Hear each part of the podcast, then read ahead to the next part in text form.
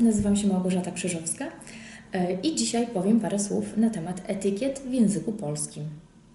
Otóż zdarzają się takie sytuacje, że mm, widzimy jakiś produkt, który chcielibyśmy kupić, niestety nie posiada on informacji w języku polskim.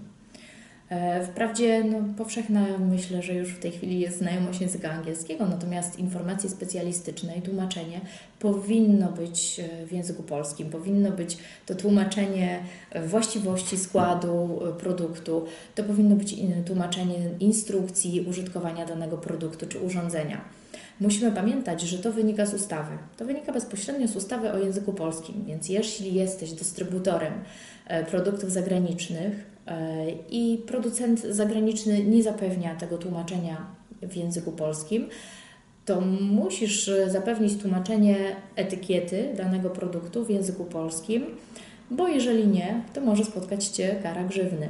E, czyli sięgamy po ustawę o języku polskim. Z artykułu 7 wynika właśnie ten obowiązek e, stosowania na produktach E, stosowania tych informacji, tłumaczenia informacji e, języka oryginalnego na język polski. Natomiast artykuł 15 przewiduje niestety grzywne, karę grzywny dla przedsiębiorców, którzy się do tego obowiązku nie stosują. Dziękuję dzisiaj na tyle. Małgorzata Krzyżowska.